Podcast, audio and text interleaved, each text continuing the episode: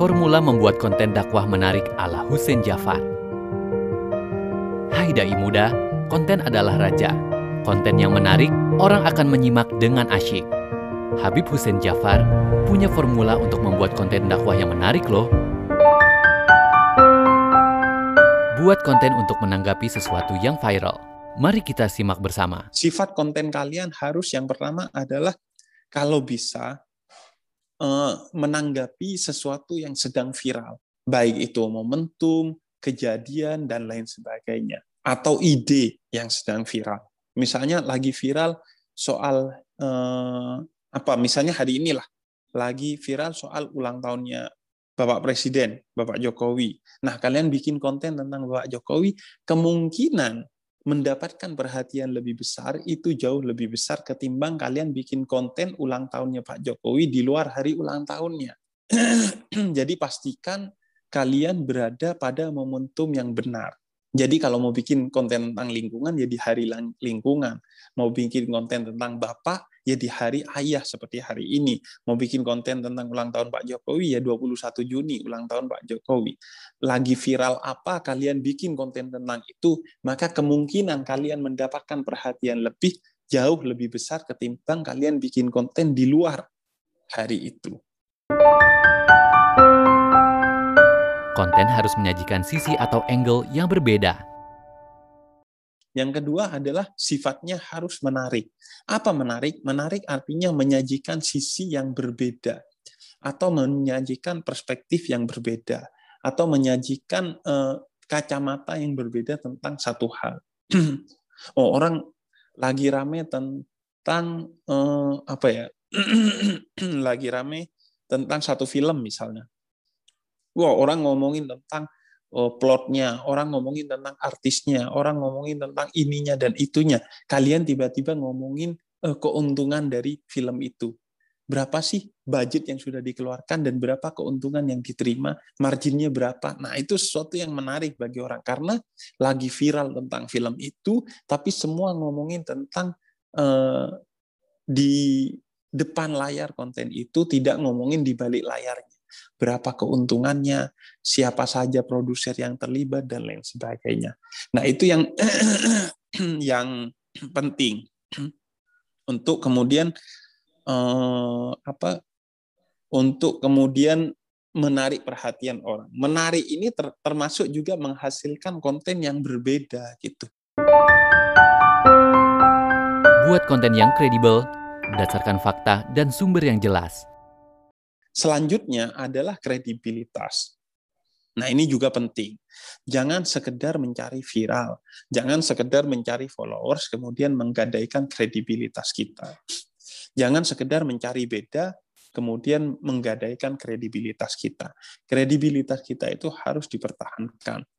Eh, sekarang itu media sosial telah digiring oleh orang-orang yang tidak bertanggung jawab dari yang dari kompetensi menuju kontroversi. Jadi di media sosial sekarang yang kompeten sudah gak begitu diperhatikan. Itulah yang kemudian dibahas oleh beberapa pakar tentang hilangnya kepakaran di era digital ini. Di era digital ini yang penting sensasional, kontroversial, udah pasti akan mendapatkan perhatian besar. Nah, kita harus mengembalikan era menuju kepada kompetensi, bukan hanya kontroversi.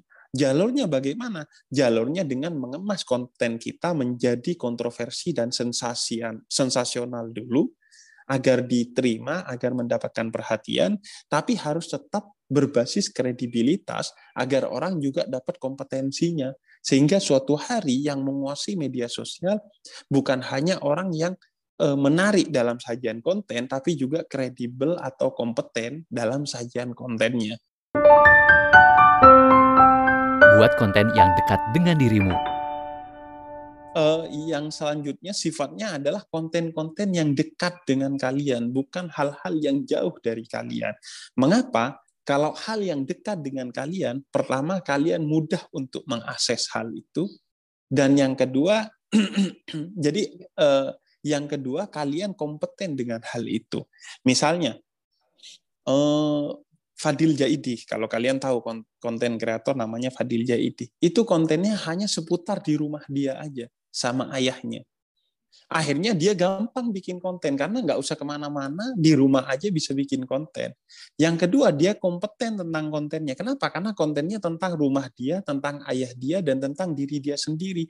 Dia yang paling mengetahui tentang dirinya, ayahnya, dan rumahnya. Sehingga dia menjadi mudah dan kompeten untuk bikin konten. Kenapa? Karena yang dibahas adalah sesuatu yang dekat dengan dirinya. Jangan sesuatu yang jauh-jauh dari uh, diri kita sehingga kita kalau mau bikin konten harus ke tempat yang jauh dulu akhirnya males biayanya gede dan lain sebagainya yang kedua kita nggak punya kompetensi. Karena apa? Sesuatu itu jauh dari diri kita. Oh dia ahlinya di bidang IT bahasnya agama. Ya terlalu jauh. Udah nggak punya kompetensi. Kemudian yang kedua akan malas bikin konten. Karena harus belajar dulu. Karena itu bukan dunia kita. Karena itu sedari awal jangan bikin konten yang jauh dari diri kita. Buat konten yang singkat, padat, dan jelas. Selanjutnya adalah singkat, padat, dan jelas tentunya. Eh, rata-rata orang Indonesia akan menilai satu konten di 30 detik pertama kalau di YouTube. Jadi 30 detik pertama orang akan melihat konten itu, kemudian akan direview lagi setelah tiga menit pertama. Kalau lolos di tiga menit, baru orang akan eh, menonton sampai selesai. Tapi batasan konsentrasi seseorang, batasan orang Indonesia rata-rata nonton konten YouTube itu hanya 8 menit.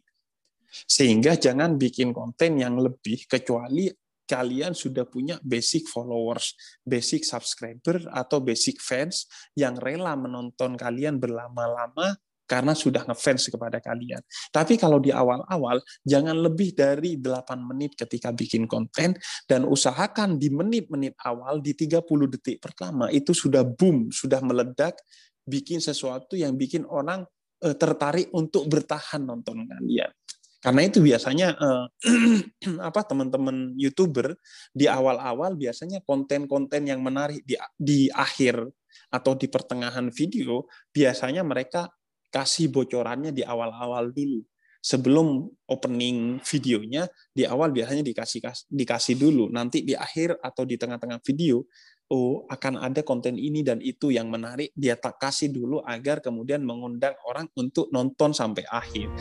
Hai Dai Muda, ada banyak ide yang bisa kamu tulis menjadi konten dakwah.